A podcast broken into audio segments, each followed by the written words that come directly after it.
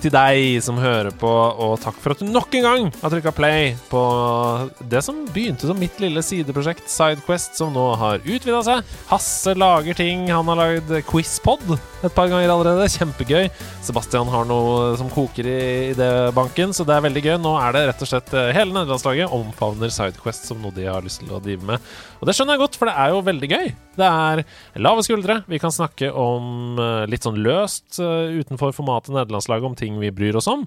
Enten det handler om spillkarakterer, enten det handler om spillhistorie, om selskaper, eller bare litt sånn løsrevne temaer som crunch culture osv. Og, så og i dag så skal vi snakke om et sånt tema, for i 2022 så er det 50 år siden det å være homofil ble avkriminalisert i Norge. Før det så var det ikke lov å være homofil etter loven, og 50 år, det er ganske kort. Så det er litt flaut, men derfor skal vi feire det nå, at vi i hvert fall har kommet oss ut av det den måten å leve på. Og i den forbindelse så er det offisielt eh, Skeivt kulturår. Eh, og det oversetter vi i nederlandslaget selvfølgelig til Skeivt spillår! Jippi! Og i den forbindelse så har jeg vært så ufattelig heldig å få med meg den usedvanlig dyktige, og også usedvanlig hyggelige, Grunde Almeland her i studio. Nei, For en usedvanlig hyggelig introduksjon! Det her, det kan jeg like. Jeg håper at stortingspresidenten etter hvert skal begynne å introdusere meg sånn også. Da da gjør vi klart for den usedvanlig hyggelige representanten Almland. Vær så god. Uh, og dette var jo uh, Altså, vi, vi, har delt inn denne episoden her i to ulike kategorier. Og Den første det er spill som du har egne historier knytta til tematikken. Mm. Uh, og den andre er noen litt mer sånn løsrevne samtaletemaer rundt skeiv tematikk, som er nyttig og viktig å snakke om. Men aller først, kan ikke du fortelle litt om hvordan denne ideen her, om denne sidequesten, oppsto? For det var jo, det var du som kom med dette. Uh, og det er jeg veldig takknemlig for. Jeg er bare sånn Ja! Det sjekker alle boksene. Ja, ja, ja, ja. Vil ha det med en gang. Ja, Det var en fryktelig entusiastisk Jeg ble så glad Et fryktelig entusiastisk svar når kom ideen. Altså, Min idé var jo at det er, er det noen som bør markere skeivt uh, kulturår, mm. så er det jo nederlandslaget. Fordi mm. hele misjonen til nederlandslaget er jo at uh, spill er kultur. Mm. Og da må jo også laget ta del i denne feiringen som er Skeivt kulturår. Så det var bakgrunnen. Og så har jeg personlig også vært Altså En av de tingene som gjør at jeg liker dataspill så godt, mm. er jo nettopp pga. alle de mulighetene det gir til å utforske hvem du er, som kanskje er mm. det vi skal snakke litt mer om. Så det, det er bakgrunnen for, for liksom ideen, og at jeg egentlig håpet at dere ville ta opp dette temaet. Og så var det utrolig gøy at jeg fikk lov til å komme og snakke om det sjøl.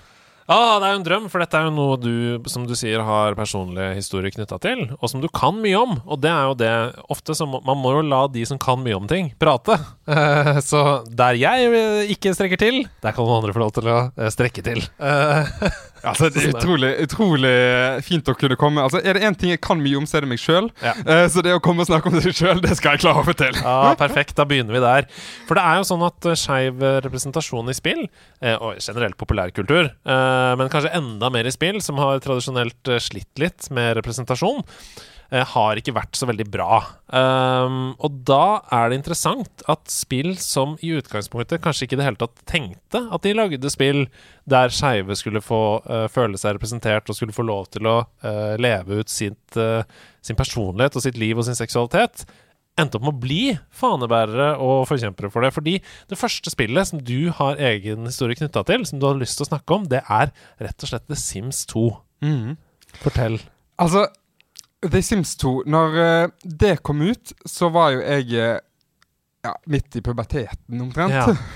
I den tiden der du prøver å utforske deg sjøl, og plutselig begynner ting å skje. og Du lurer på hva i alle dager er, er denne kroppen egentlig for noe. Ja. Uh, men det jeg også da parallelt begynte å kjenne på, var jo liksom at følelser var ganske vanskelig sant, å plassere. Der alle beskrev hva liksom kjærligheten skulle være. Så synes jeg det kanskje ikke passet helt, selv om jeg mm. prøvde veldig hardt å få det til å passe. Men det som var unikt med The Sims, det var at det var et spill der eh, ikke bare du lager en karakter som kanskje du kan få til å se litt ut som deg sjøl, men du kan også plassere den inn i en setting der du også kan utforske ulike typer familiesammensetninger. Mm. Sånn at det var The Sims var aller første gangen at jeg så at det gikk an å leve som to av samme kjønn, og ikke Mm. bare det, også få et barn. Uh, så The Sims revolusjonerte liksom litt min måte å tenke på. Mm. Jeg er vokst opp i et eh, lite lokalsamfunn der det ikke var så mange eksempler på homofile. Det var ikke så mange det var, Jeg visste ikke om noen familier med likekjønnede foreldre. Og det var ingen som snakket om, om homofili eller uh, det å være skeiv, bortsett fra når man skulle snakke nedsettende om noen. Mm. Og det å liksom komme inn i en verden der uh, ingen, uh, ingen andre har noe med hva du driver med, men du kan bare teste det ut. Mm. Det var helt unikt med The Sims. Så det var liksom første gang Jeg tror det var første gang jeg liksom begynte, det begynte å falle noe på plass Ja, i meg. da for det syns jeg er et veldig interessant uh, oppfølgingsspørsmål. Om The Sims på en måte hjalp deg, eller om du allerede da instinktivt visste at det var gutter du var glad i. Altså, jeg fornektet det lenge. Ja. Jeg kom ikke ut uh, av skapet før jeg var ferdig på videregående. Nei. Uh, og jeg hadde til og med jentekjærester uh, på videregående. Men Som så mange andre. som så veldig mange andre. Ja. Men Så jeg brukte fryktelig lang tid på å klare å finne ut av meg sjøl. Og Mm. det var vel gan, Altså, The Sims hjalp meg veldig på å begynne å få disse puslebitene til å passe inn på hva egentlig Hva var grunnen for noe. Mm. Og så etter hvert så ble det også en eh, Etter hvert så ble det en slags form for overbevisning om at ja, det er kanskje sånn jeg er, Mm. men fortsatt en fornektelse at jeg, jeg, jeg, trenger ikke leve det ut. Jeg kan jo Mm. bare Jeg kan jo bare late som om jeg er som alle andre. Ja. Men var det skam knytta til det? Altså Da du spilte i The Sims, hvis du, hvis du skapte en familie da med to menn som fikk barn, f.eks., følte du at det var ulovlig, liksom? Prøvde å skjule det, og det var ingen skulle se det og sånn i The Sims? Det er ganske morsomt at du spør, fordi jeg husker at jeg var helt paranoid. Ja. Jeg jeg spilte Jeg slettet alle karakterene og savene etter hver gang jeg spilte Sims, i tilfelle noen skulle komme inn på seg og stille spørsmål til hvorfor jeg hadde laget en familie En familie i The Sims som var likekjønnet. Fordi det der um, Det forstår jeg, da. Så godt. Man er jo Det eneste man er opptatt av når man er i den eh, alderen der, det er jo å være akseptert, liksom. Og man har jo ikke lyst til å være en avviker, veldig store gåseøyne her. Yes. Eh, og spesielt i et lokalsamfunn der du ikke vet om noen andre som er som deg sjøl. Um, det blir nesten sånn som porno, liksom. At du, du må gjemme deg. Du skal ikke The Sims, save en min! Nei! Den må ligge i noen sånne hemmelige gamle mapper under. Ja, men, altså, det er ikke så dum sammenligning, men det er liksom fordi det Jeg tror det er mange ting du kan relatere det til. Sant? Ja. Mange, for eksempel, eh, Jeg kjenner folk som eh, skriver musikk, for eksempel. Sant? Ja. Eh, før de liksom eh, har begynt å bli komfortable med å gi ut musikken, så er det jo helt forferdelig hvis noen kanskje leser sangen, fordi Mm. du legger så mye av deg sjøl inn i det. ja. På litt Det samme gjorde jeg med The Sims-savene mine. Ja, men det Altså, skjønner jeg jo. det at når du lager en karakter som ser ut som deg, som Mm. eh, jeg ikke torde å gi det samme navnet som meg, men de hadde alltid navn på G. Mm. Bare ikke grunn det. Og så eh, lager et liv, og så, ved, så har du puttet så mye av liksom, din personlighet og dine ønsker og dine liksom, håp og drømmer egentlig inn i et, noe så enkelt som et, et, et spill. Mm. Og hvis du også tenker du at hvis noen ser det, så får de vite alle de innerste hemmelighetene som ikke du vil at noen skal vite. Da er du helt naken, liksom. Da Mm. har du avslørt alt. Uh, wow. Ja, det er ganske mm, sterkt og vondt å høre, selvfølgelig. eh, at du ikke kunne stå i det. Jeg håper jo at for generasjonen som vokser opp nå, eh, at det er mulig å spille The Sims 5 og 6 og lage seg de familier man ønsker, og være stolt av det. Altså, det er jo derfor jeg er så opptatt av å snakke om det. mm. Fordi nå er jeg i en posisjon der jeg har det fryktelig bra, gift Mm. med en mann. Eh, og, jeg, og jeg er i en posisjon i, i, i, også i politikken, i offentligheten, som jeg kan være veldig stolt og være veldig trygg på den jeg er. Og Mm. det å si til alle de generasjonene som nå kanskje sitter og spiller The Sims 4 nå, da, Mm. og, og eh, utforsker det samme som jeg gjorde for den gangen, så kanskje jeg kan si at det er helt greit å være sånn som du er, og det er helt lov. Og det er ikke noe galt med det. Ah, så deilig. Ok, vi skal videre fra The Sims til et helt annet spill som du også eh, ikke klarte å slutte å snakke om da vi, da vi var Da du var epi- gjest i episode 98 av Nederlandslaget. Nemlig Puzzle Pirates. Oh, det beste spillet som er lagd noen gang! Nok en gang skal puslepiraten få lov til å snakke om Puzzle Pirates. For hvorfor var dette viktig for deg i denne konteksten? Altså, eh, åh, altså, for de av dere som lurer på hva Puzzle Pirates er, eh, spol tilbake til episode 98, så får dere en full, god, grundig innføring. Om god vet jeg ikke. Grundig, ja. Du har til og med din egen emoji på discorden med pirat. Jeg har faktisk det. Det er helt utrolig. Eh, fantastisk laget. Jeg har også mitt eget eh, sånn handle. Altså, hvis du, hvis du skriver ett Puslepiraten på discorden, så, så får jeg varsel. Det er altså, det største komplimentet jeg har fått Ja, av communityen. Men, um, men uh, til saken. Eh, grunnen til at dette spillet betydde for mye for meg, er fordi Ja. at det var, et, um, det var jo et MMO. Ja.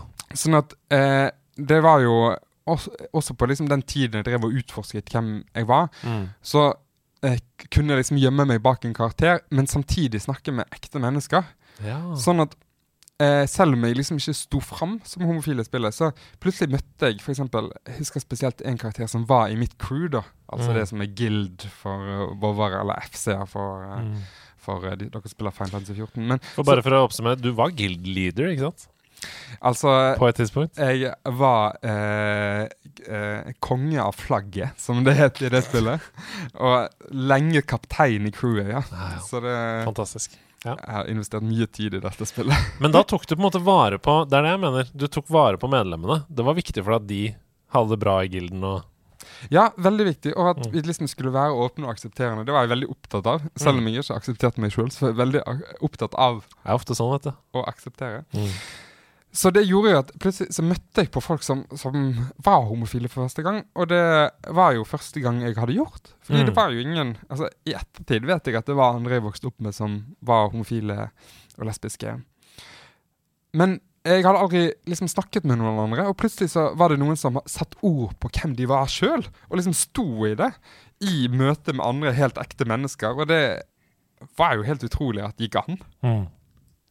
Ja, det må ha vært en ganske stor opplevelse. Altså, jeg merker altså, eh, Hva skal jeg si? Jeg hadde jo tilsvarende opplevelser bare eh, i det som på en måte var en nettleser-MMO, nemlig sånn som ja, Nettby og liksom sånne ting. da Det var jo et slags MMO. Uh, Beep.no Altså bare sånne spillsamfunn da hvor man spilte på nett, og så, og så kunne man møte andre som var bak et nikk, selvfølgelig. Og så kunne man snakke og uh, plutselig var det en annen person, men det hadde jo ikke noe med skeivhet å gjøre. Men det var jo, handlet jo om seksualitet, selvfølgelig. Um, og det var jo helt groundbreaking, ikke sant? At jeg, jeg og, og spesielt eh, Nå vet jeg ikke, jeg kan ikke snakke eh, for deg, men eh, kvinner og jenter er jo eh, jevnt over eldre i hodet i denne alderen enn det gutter er. Så jeg var fryktelig keitete, selvfølgelig, og var dårlig med jenter.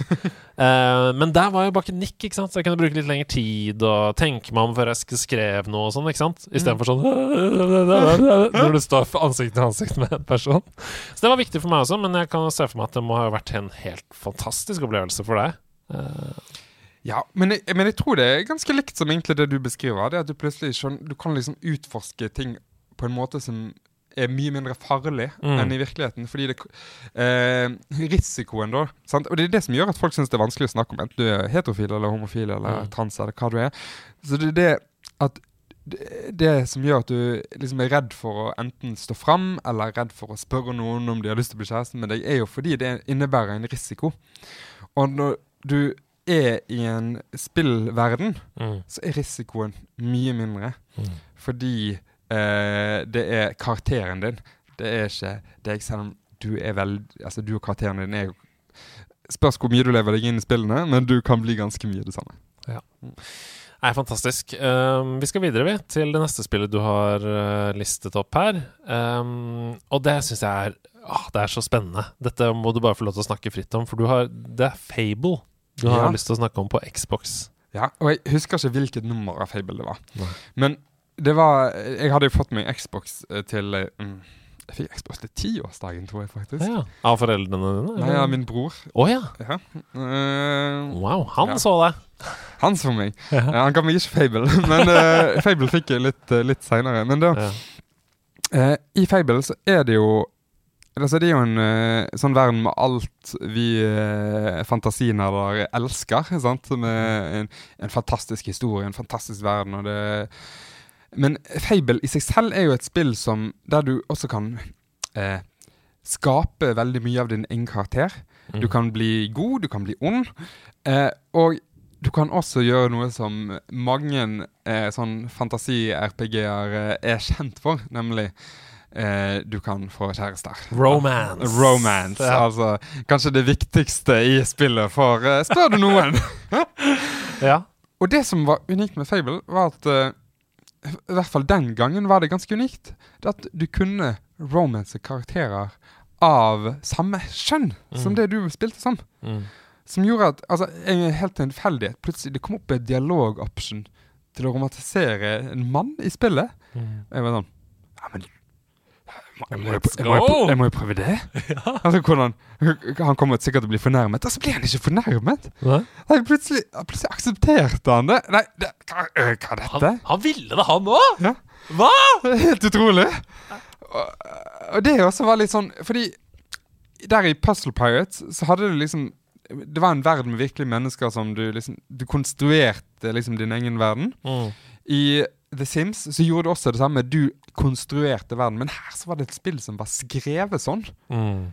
Og det var ganske annerledes. Det at noen hadde laget en historie der det eksisterte eh, skeivhet. Mm. Og det, ganske, det, var, det var helt unikt.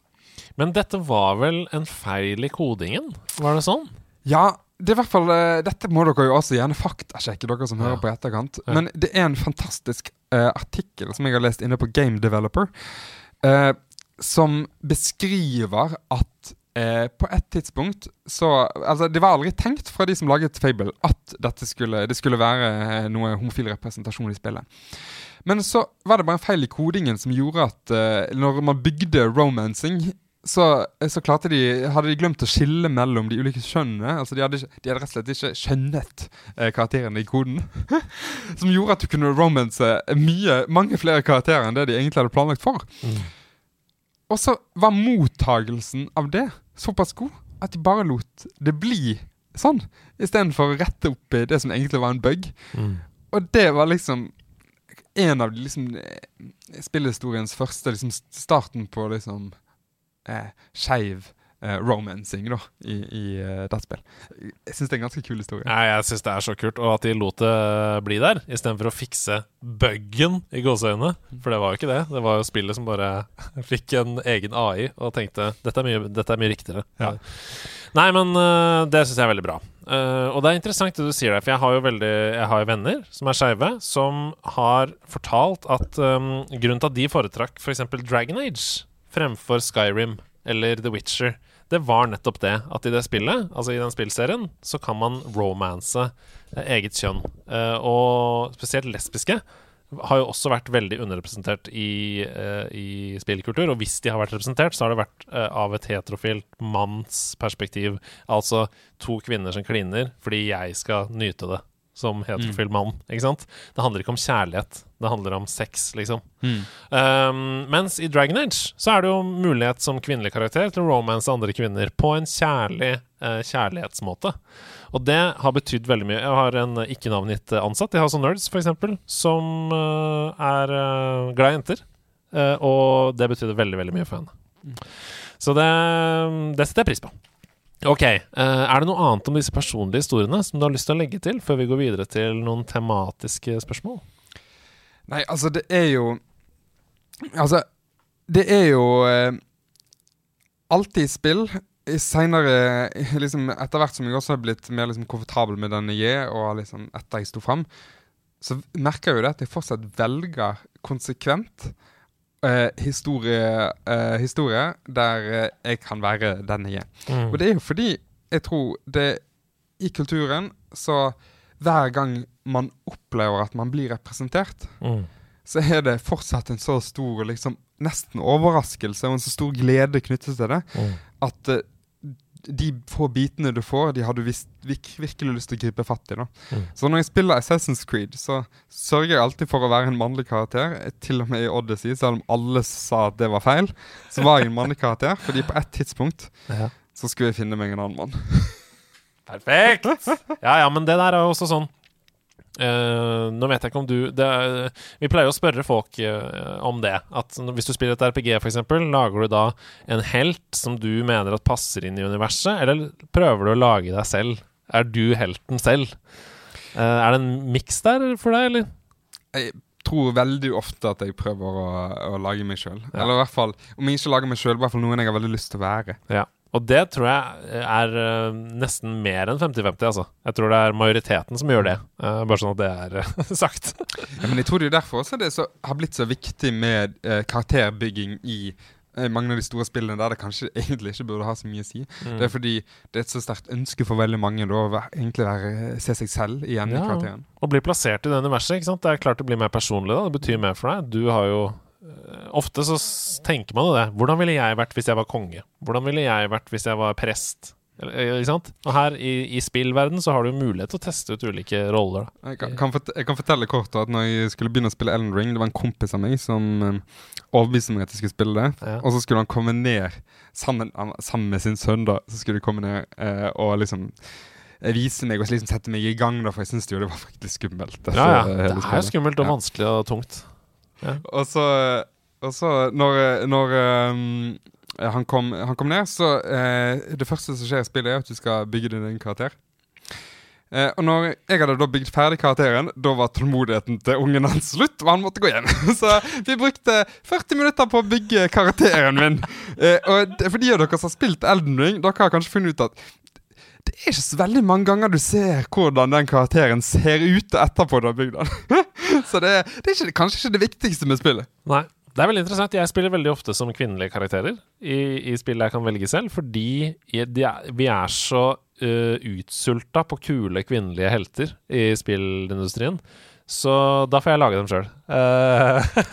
så jeg, min karakter i Elden Ring, Iris Isblå, Du verden. hun kicker ass, altså. Altså, wow. Ok, eh, da går vi videre til tematiske ting her. Og det første syns jeg er veldig interessant, for det er noen viktige eh, historiske, liksom spillhistoriske høydepunkter da, hva gjelder skeiv representasjon. Og det er spesielt to ting som jeg beit meg veldig fast i der. Og det første er Fallout 2 fra 1998.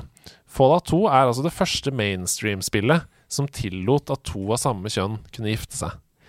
Og Fallout 2 er jo et virkelig trippel A-spill. Eh, Fallout var en stor suksess, og oppfølgeren eh, venta mange på. Så at det tok et såpass hva skal jeg si, eh, modig valg, da. Fordi det er fortsatt, let's face it, i 1998 en del eh, mugne holdninger mot eh, homofil representasjon, f.eks.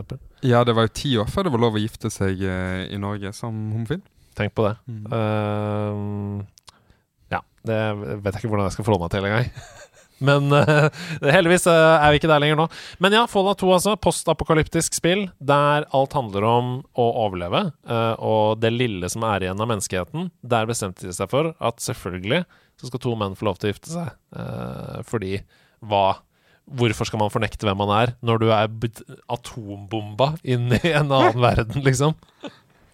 Men det er jo en risiko som spillselskapene tar. Mm. Og har jeg, jeg, har ikke, jeg har faktisk aldri spilt Fallout, eh, noen av Fallout-spillene. Mm. Men eh, for en såpass stor serie å ta et sånt valg det kunne jo, i en tid der det var mye mindre akseptert enn i dag, Mm, også gå på bekostning av salgstall, f.eks. Sånn at det er jo eh, i seg selv også et modig valg å sette inn en sånn funksjon. Heldigvis så var det før eh, internett var såpass polarisert og tilgjengelig som det er nå, så det ble ikke cancelled uh, Fallout 2. Uh, det fikk gode anmeldelser, og det var ingen som hadde mulighet til å kommentere på hvor dritt det var, og si at Metacritic det var to av ti fordi det var homofil representasjon. Eh, Ja, Men så er det en annen side av det, da, så vi kanskje kommer litt tilbake til. sant? Eh, hvor mange av spillanmelderne var det som faktisk visste om at de kan gifte seg? og det kommer vi tilbake til senere. Uh, men ja, det neste spillet i denne oversikten, som vi også skal linke til og legge ut på Discord, uh, det skal jeg snakke litt om til slutt, men det er Mass Effect fra 2007. Uh, der kan du da, altså som mannlig eller kvinnelig hovedperson, være sammen med hvilket kjønn du vil. Um, og, og det var nok også veldig viktig. Og det, det er ikke noe stor greie i det spillet. Det bare er sånn det er. i det universet. Eh, det er ikke noe sånn at det fokuseres masse på, liksom. Det, bare, mm, det syns jeg er en fin måte å representere på. Altså, ja, det er jo egentlig litt av oppskriften på sunn representasjon, og det at man ikke eh, sensasjonaliserer det. Er det et ord? Sensasjonalisere? absolutt. absolutt. Mm. Og sørger for at eh, eh, fokuset blir ikke på hvor uvanlig det er, men Mm. det bare er sånn. Og noen spill balanserer helt på en knivsegg der. Jeg skal sette en liten uh, kniv En liten uh, pinn i, um, i et spill som heter eh, Åh, det er et eh, Telltale Nei, det er et sånt eh, Life is Strange-aktig spill. Don't Nod, hva er det heter? Det handler om transperson Tell me why. Tell me why. Ja. Det skal jeg sette en liten pinn i, for det er helt Mm. på knivseggen. Uh, og så skal jeg si hvorfor jeg syns det er innafor etterpå. Men først så skal jeg si at i Overwatch så har du Tracer, som kysser en annen jente i Lauren sin. Ganske stort spilleøyeblikk, det også. Absolutt. Veldig, veldig fint. Du har Life is Strange, som tar opp mye av tematikken og vanskeligheten med å akseptere seg sjøl. Og så har du ikke minst The Last of Us, da, som jo er et sånn uh, breathtaking øyeblikk når Ellie finner ut at hun liker jenter. Eh, I den samme alderen som da du spilte The Sims 2. eh, bortsett fra at hun var i en zombieapokalypse oppå et bord. Det var ikke jeg i på den tiden. Det kan jo kanskje føles sånn av og til, sånn følelsesmessig. Sikker på at vi gikk gjennom akkurat de samme følelsene. Nei, total katastrofe. Klikker utafor døra, så skulle du se save-filen din på The Sims. Ja, det er det som er det verste med å få en klikker på besøk. At han skulle se Seinfeld. Nei, men jo, eh, hva som er god representasjon. Tell me why. Eh, altså, transpersoner i uh, spill har, er jo ekstremt underrepresentert. Uh, og derfor så mener jeg at måten de gjør det på, er akkurat innafor. Fordi det er på grensen til at det blir liksom uh, Ja, sirkuset på veien, liksom. Her skal vi se på den rare hovedpersonen som er transperson. Men det er så mye tematikk i det spillet som jeg aldri har tenkt over som cis- cis-person. Eh, så, som jeg lærer så mye av. Og derfor så mener jeg at kanskje nå i starten, da, når vi på en måte for første gang får lov til å møte transpersoner eh, i populærkulturen, så må man lære opp litt, hvis du skjønner? Hva tenker du om det? Jo, altså, det er jo Altså, Representasjon kan liksom fungere veldig forenklet sett på to måter. Det Mm. ene er at uh, du i, Altså, i dataspillverden Det ene er at du uh, kan velge å være det, men du kan også velge å aldri oppleve det. Mm. Altså, sant? Du kan velge det bort. Det andre er at det er en del av historien som Mm. gjør, tvinger deg til å, til å reflektere over det og til å oppleve det. Eh, og altså, der eh, er jo for eksempel eh, Ja. eh, Assassin's Creed kan du velge eh, å spille det, men det har ingen påvirkning på historien i det hele tatt. Nei. Og du kan gå gjennom hele spillet uten å noensinne gi ofre det en tanke. Mens både for, eh, for Life is Strange så er det jo en del av historien til karakteren Mm. som du, uh, du møter på uavhengig av hvilke valg du tar. Og i Tell Me Why så er det jo hele historien. Mm. Uh, nå har ikke, jeg- jeg har ikke spilt gjennom Tell Me Why, jeg har bare sett en del om det på, på YouTube. Men jeg er enig med deg i det du spør om at kanskje er vi i en tid der vi trenger en del mer opplæring, og vi trenger en del mer for å liksom sette universet. Eh, men det er jo mulig å fortelle historier uten å gi alle eh, liksom en liste med, med, med sånn, eh, sånn er det å være trans. Absolutt. Sånn, et annet eksempel er jo liksom på fortellerstil. er jo sånn Mm. Disko Elysium, der som Ja, er veldig underfortalt historie. Mens uh, det jeg oppfatter at uh, Tell Me Why er, er, er veldig tydelig fortalt historie. Mm. Så er det kanskje det du har opplevd, da? At det blir så tydelig fortalt, den historien, at det nesten går over i eh, over grensen til liksom, parodisk eller sensasjonalisering, da. Absolutt. Um, absolutt. Og så tenker jeg at om ti år så hadde ikke det spillet vært innafor. Men akkurat nå så er det viktig, opplever jeg. Men hva er det i spillet som gjør det um, Gjør det? Nei, at alt dreier seg om, som du sier, da, at uh, hovedpersonen er transperson, og at det snakkes så veldig mye om at hele bygda Det er på en måte et outcast av bygda. Det er litt sånne um, problemstillinger som jeg tror ikke vil være relevante i fremtiden. Uh, men som er viktig, fordi det er nok mange som har kjent på det. Du var jo så vidt inne på det i stad, bare med å være homofil, liksom, på et tidspunkt der du ikke visste om noen andre som var det. Um, ja, og så tror jeg ikke at Jeg tror ikke at man trenger at en historie der en transperson er representert, handler om det å være transperson. Mm. Hvis du skjønner? Uh, ja. ja, og dette er jo egentlig en ganske stor liksom, diskusjon i kulturen generelt. Altså eh, skaper du stereotypier med fortellinger hver gang en, en skeiv person er med i et kulturuttrykk, så er på en måte historien du vet hva historien kommer til å være. Mm. Det er en homofil som syns det var vanskelig å komme ut, og derfor eh, endelig har kommet ut, men fortsatt har litt problemer. Mm. Det er sånn typisk historiefortelling. Så alt, uansett hver gang du ser en homofil karakter, så er det, er det sånn. Ja, og det, Grunnen til at det var vanskelig, er fordi andre, alle andre hadde fordommer, men nå ja. har de akseptert at det er ikke ja. noen fordommer lenger, så nå heier alle. Ikke sant? Det er mm. bare sånn. Og det er liksom, det er en balanse, da. sånn at jeg tror jo no, noen av de historiene trenger vi også, fordi ja. det er så mange som kjenner seg igjen i, i det. Og det å bli fortalt at uh, altså det er andre som opplever det samme som deg, mm. Er også noen ganger en, både en trøst og liksom en Det å vite at du er ikke alene, da, er, er viktig i seg selv. Ja. Men hvis alle historiene som er tilgjengelige, er det, mm. så, så, utfordrer det i hvert fall ikke folk til å tenke annerledes. Så du, du får i hvert fall ikke normalisert det. Nei, det er sant. At det fremstilles som en superkraft, liksom, å være transperson, f.eks. Ja. Det.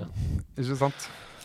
Uh, og uh, altså i, i uh, film, TV-filmverden så har jo denne diskusjonen vært veldig lenge. Ja. Hva er god representasjon? Absolutt. Og det som nå som ligger på Netflix, er jo disse Heartstopper-seriene. Mm -hmm. altså det er en liten anbefaling, sideanbefaling. Se de seriene. Altså det, mm. Hvis du klarer å komme deg gjennom de uten å grine, så har du ikke et hjerte. men det, altså det, det, er liksom også en måte å fortelle en historie på som er veldig annerledes mm. enn uh, den satte historien om hva det er å være homofil, f.eks. Mm. Så jeg, jeg, skjønner hva du mener med, med, Tell Me Why, og jeg, jeg, tror jeg skal spille det gjennom og få uh, ja. gjøre opp en mening. Jeg likte det veldig godt, altså. Så det var ikke noe sånn. Jeg bare um, Det kan hende at det oppleves for mange uh, som å bli satt i bur, liksom. Se på transpersonen hvis du skjønner. Mm. Og det er ikke noe god representasjon, og heller ikke noe god opplevelse. Så, men jeg tror det for meg er det viktig. Eller for meg var det viktig å, å kunne gå i skoene til noen som uh, jeg mener er veldig veldig viktig å fortelle historien til. Det er bare det. Men kanskje det da det viktige er liksom å sørge for at det kommer flere eh, transkarakterer i spill. Sånn Absolutt. Sånn det, liksom, det totale opplevelsen er ikke OK, nå skal jeg, jeg Ja, jeg husker jeg møtte en, en transperson i et spill én gang. Det var i Tell Me Why, der ja. alt handlet om det var trans. Ja, ja. Nei, det er, for det er det jeg mener. OK, men du har, du har skrevet her at Stardew Valley det er et eksempel på god hvordan et moderne spill gjør ting rett da, i representasjon. Ja, altså Det er et veldig rart eksempel å bruke, fordi det, det er så mange de kunne gjort. Men det er bare Altså, eh, Stardew Valley gjør det bare Altså, jeg er veldig glad i Stadio Jeg har brukt mange mm. timer på det. Jeg har også en eh, venninne som jeg har spilt dette her ekstremt mange timer eh, sammen med. Men eh, det er et spill som på en måte Det, altså, det handler jo ikke om, om eh, skeiv eh, kultur i det hele tatt. Men det er bare en så eh, Det er bare ett eksempel av sånn jeg opplever veldig mange spill er i dag. Mm. Der det bare er en naturlig del av spillet. At du kan være homo, øh, også være homofil. Og så er det også noe med at når du f.eks. prøver å romance en, en uh, karakter av samme kjønn, så er det ikke bare heller eh, visket bort at selvfølgelig kan du gjøre det, men karakterene eh, reflekterer over at dette var følelser de ikke trodde de hadde kjent på. Ikke sant. Sånn at du får opp en form for dialog der du faktisk ser at karakteren faktisk reflekterer Oi, kanskje Jeg var ikke klar over at jeg likte gutter. Mm. Og det er liksom Uten at de sensasjonalisere det, liksom det, men det er bare liksom Du får en form for refleksjon, da. Mm. Og i et spill der dette er en så egentlig liten del av det eller noen mener kanskje det at det å skape familie og, og produsere liksom uh, slektskap på gården er en veldig viktig del av det. I livssimulatorspillet, tenker jeg på? Men for de som ikke tenker at ekteskap er alt uh, sa den gifte mannen her borte. så, så eh, er, dette ikke, er dette bare én del av spillet. Ja. Ja, det viktigste i stadion vel er tross alt å gå ned i minen og drepe, drepe monstre. Det er helt riktig. Det er helt riktig. Nei, det, det, er fint. Jeg er enig i det. er en god måte å gjøre det på. Uh, men et punkt som både er personlig og et uh, artig samtalepunkt, det er jo det unike med spill som kulturuttrykk, uh, kontra film, teater, musikk osv. Det er at det her, du kan jo le leve det ut mm. i større grad enn å bare lese om det eller se det, som du har skrevet her. Um, og det er jo en, altså en fordel hele kulturuttrykket vårt har. Uh, og som gjør at alt føles skumlere, som gjør at alt føles virkeligere, og som gjør at alt blir enklere, da mm. kanskje, å leve med også, for seg sjøl? Ja, altså, det at du um, både kan bygge en karakter, som vi har snakket om, og leve ut det livet, gjør jo at du på en helt annen måte kan utforske hvem du er. Mm. Um, der du i en bok eller i, på en TV-serie må liksom vente til noen forteller historien som du kjenner deg igjen i, så kan du skape din egen historie. Mm. Og det er helt unikt med spill. Og Derfor uh, er jo min oppfordring til uh, veldig mange av dere som ikke også lytter på denne podkasten, er å spille med dataspill, fordi eh, du kan lære så mye av deg sjøl om det. Mm. Eller mens du spiller det. Og apropos det å bli fortalt uh, om en handling, det er jo et dilemma, dette. Fordi, og vi var så vidt inne på det i stad, det er jo ofte kun den som spiller som skeiv, som kommer til å oppleve skeivt innhold. Mens det ofte er de som ikke ikke har valgt det, som trenger å oppleve det ja. eh, som mest. Så eh, bare Ett eksempel her er The Witcher 3. Fordi jegeren Du møter en jeger i The Witcher 3. Og den eneste måten å finne ut at vedkommende er homofil på, er dersom du velger de rette dialogvalgene, helt frem til at jegeren forteller det selv. At uh, 'jeg ble drevet ut av byen fordi jeg elsket uh, keiserens sønn', eller noe sånt. Uh, og at vi hadde det bra, og da det ble oppdaga, så tok han sitt eget liv. Og derfor så er jeg nå fortapt ute i skogen her. Uh, men det er så lett å ikke gå dit. Og hvis du har spilt The Witcher 3 lenge den dagen, og tenker sånn Jeg vil bare videre i historien, så er jo det første optionet uh, 'fortell meg hvor jeg skal gå', og det neste er 'hva er det som egentlig har skjedd'? Ikke sant? Hvis du da velger bare 'fortell meg hvor jeg skal gå', så får du aldri vite om dette. Så det er jo et dilemma. Uh, det at du må aktivt ta valg som fører deg i retning av det skeive innholdet. Mm. Ja, og det Veldig mange spill gjør det veldig enkelt uh, for seg selv. Med at de bare De, de sier at dette, ja, dette er et LHBTI-vennlig spill, her er det skeiv representasjon, men så skjuler de såpass mye de liksom eh, dytter det såpass langt ned i spillet mm. at uh, de på, heller ikke møter reaksjoner på at det er skeiv representasjon der, fordi det er så lett å unngå det. Mm. Og det, det eksempelet du tok opp, jeg mener kanskje ikke det er det beste eksempelet. Nei. Fordi der er det faktisk mulig at selv om du spiller som en uh, heterofil uh, Gerald, så, så er, det, er, det, fortsatt mulighet å møte en skeiv karakter. Mm. Uh, men det som er det store dilemmaet, er jo egentlig spill. Som igjen, selv om jeg nå har skrutt av Stadio Valley, så er jo Stadio Valley også et spill der du uh, kan velge å være heterofil og aldri uh, møte noe skeiv tematikk i det hele tatt. Mm. og i veldig mange spill, og dette er det store dilemmaet, samt, samtidig som spill er helt unikt i den forstand at du kan leve et liv som du kanskje ikke føler du kan i virkeligheten, så kan du også bare velger å ikke gjøre det. Sant? Mm. Sånn at eh, hvis det, I altfor mange spill, eller spill generelt, så er det hoved, hovedmekanikken for å ha skeiv representasjon er å la deg få muligheten til å spille som en skeiv karakter, men heller, ellers la hele verden være hetero. Mm. Og det er et dilemma, fordi det gjør at jeg som er skeiv, jeg vil jo ha altså, så mange skeive historier for alle mulige slags spill. Altså, jeg tror Hvis vi hadde gått gjennom spillene vi har, som vi har spilt begge to, Andreas, mm. så ville nok jeg hatt ganske mange historier om å, han er homo, hun har seg med noen på sida. Det, liksom, det, er masse sånne som du bare aldri har opplevd i dine nei, spillhistorier, fordi du har spilt som uh, sannsynligvis oftere uh, heterofile karakterer. Absolutt. Og for folk som, som da hadde trengt å bli møtt med skeiv representasjon for å skape forståelse og endre holdninger, mm. så er ikke dette en, en, god måte i kulturuttrykket vårt på å, å utfordre holdninger, da, i hvert fall. Og i tillegg så er det heller ikke en realistisk fremstilling av verden. På ingen måte. Så det, det, blir en sånn drømme- eller sånn rar fantasiverden som noen konservative hvite amerikanere har bestemt. At alle er heterofile, og alle er kristne, og alle er Ikke sant? Det blir sånn Det er veldig rar, rar verden. Ja, ikke sant? Og det er kanskje ikke den gruppen med folk at vi, vi føler oss uh, tettest på i, i norsk kultur, kanskje. Alltid. Nei da. Uh, og in ingenting vondt om kristendom, altså, til alle dere kristne som hører på. Vi har noen ganger fått litt kritikk om at vi uh, har vært um, negative til det, og det er ikke meningen i det hele tatt. Vi er selvfølgelig uh, åpne Det er full religionsfrihet i nederlandslaget, akkurat som seksualitet. Absolutt. men du har skrevet også her, fordi når det er så lett å leve seg inn i historien som det er med spill, og, og verdenene man, uh, man, lever i, så er det også veldig lett å bli påvirka. Mm. Um, og i hva skal jeg si I uh, ytterste forstand så har jo regjeringen og politikere i Norge advart mot f.eks. radikalisering i online rollespill og sånne ting. Og det handler jo ikke om spillet i seg selv, men det handler om at spillet er så virkelig at det samfunnet man Eh, kan ende opp i ved siden av spillet, ved å møte at det kan man bli radikalisert av.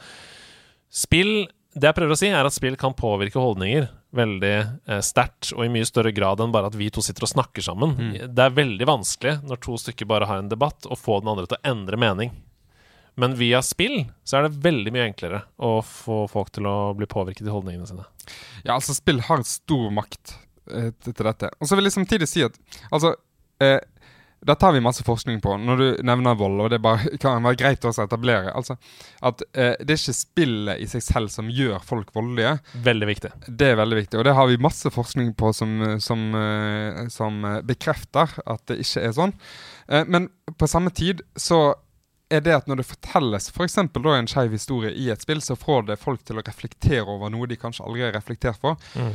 Og i det i seg selv har ganske stor makt. Og i et spill der du ikke bare møter en historie, men du også blir tvunget til å ta helt bevisste valg mm. knyttet til uh, den historien, aktivt inn, så er det med på å få deg til å reflektere i hvert fall hvordan er det jeg skal håndtere denne situasjonen. Mm. Og det er en maktspill her som ingen andre kulturuttrykk har.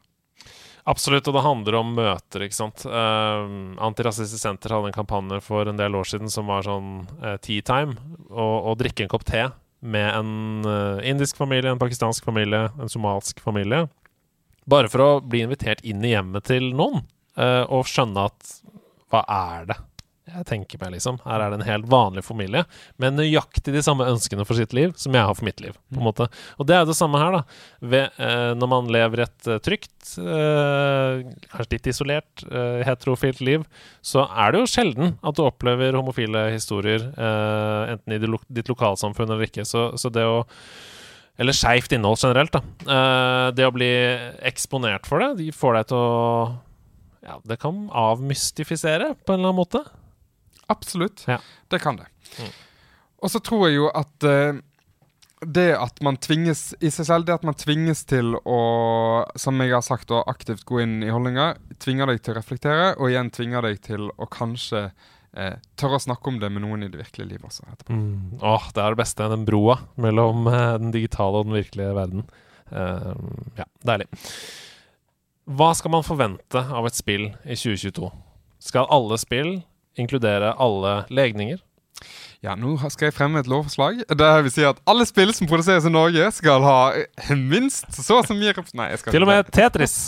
Noen brikker skal åpenbart trekkes mot brikker som ligner på seg selv. Det er noen brikker i Tetris som heretter skal gå oppover, i Genéva. fordi de føler seg litt uh, Kun diagonalt. Føler som de bryter med normer. Ja. Nei, men uh, det, er sånn, det, er litt sånn, vanskelig å si hva man skal forvente. Fordi jeg mener at altså, hvert spill i seg selv er jo unikt, og det må få lov til å fortelle en historie uten at man altså, som Også som kunstner, så, som jeg mener spillutviklere er, mm. så må du få lov til å fortelle en historie som du ønsker å formidle, uten at du nødvendigvis trenger å sjekke av en haug med bokser. Mm. Men hvis vi eh, hvis vi sier det produseres eh, 20 eh, spill i løpet av et år, og ingen av de har en skeiv karakter, så er vi i 2022 på helt feil sted. Mm. Så jeg mener at det vi i hvert fall bør kunne forvente av spill totalt sett, er at folk skal føle at de eh, representerte spillene på noe som helst vis. Og ikke bare i form av den karakteren man kan skape, men også den verden du som spiller er tvunget til å interagere med. Mm. Så, og det gjelder jo ikke kun for eh, seksualitet eller eh, kjønnsidentitet eller kjønnsuttrykk. Det handler jo også om enten det er hudfarge eller det, det er andre ting. Vi bør kunne forvente at spillmediet som helhet i hvert fall tilbyr oss som spillere en representasjon av den vi er, Mm. ikke bare den ene hvite heterofile karakteren. Og heldigvis er vi absolutt på rett vei der. Ehm, prosentandelen stiger. Fortsatt en lang vei å gå. Og så det, har jeg jo et hett tips til dere da, som er interessert i hvilke av alle liksom, spill i verden er det som, um, som har skeiv representasjon. Så finnes det en egen oversikt inne på lgbtgamerarchive.com, der du rett og slett kan gå inn og sjekke både da eh, bekreftede skeive karakterer og ryktede skeive karakterer. For eksempel så er det, for de av dere som, eh, som er interessert, så finnes det en lang, lang diskusjon om hvorvidt Tidus i Final Fantasy 10 egentlig er homofil. Oi. Eh, fryktelig kontroversielt uh, for mange potensielt, men det er altså en lang sånn diskusjon om, om det. Så det ja, jeg kan tease det litt, da. Ja, fordi helt til slutt så har du rett og slett funnet fram en rekke ganske nyttige linker eh, til steder der hvor man kan lære mer om skeiv representasjon i gaming, eller bare følge med, da. F.eks. på en skeiv utgivelseskalender, som jeg syns er helt eh, fantastisk. Ja. Eh, vi kommer til å slenge inn alle de linkene i kanalene tips eh, fra podkasten på Discord. Um, The Hawk, hvis du hører på. Sleng disse linkene inn. Jeg sender det deg på melding. Eh, sånn at det er enkelt for alle å finne dem. Eh, har du lyst til å dra gjennom Jeg har skrevet opp det LGBTQ Game Archive, har jeg selvfølgelig øverst her, men det var tre andre også. Ja, altså gamingmag.com. Det er en side der du kan finne masse nyheter om skeiv gamingkultur. Mm. Alt fra eh, spill med skeive karakterer til rett og slett som pågående diskusjoner om enten det er skeiv representasjon eller skeiv tematikk i sin, eh, sin helhet. Og da er det GAY Ming Mag, altså Gay Ming Mag. Ja, helt, helt riktig. Altså, det er jo en del av oss som da kaller seg, for, kaller seg selv for eh, gamere, Mm. med A. Veldig AI. Eh, M, ja. Staving, det er viktig. Fikk ikke helt til å stave der. Det er helt greit! Det er helt greit. Enn så lenge ikke utdanningsminister, så det går bra. Nei, jeg har vært statssekretær, da. Jeg har vært viseminister for utdanning i Norge, men uh... Men da viser du også at staving det um, er noe vi skal satse på.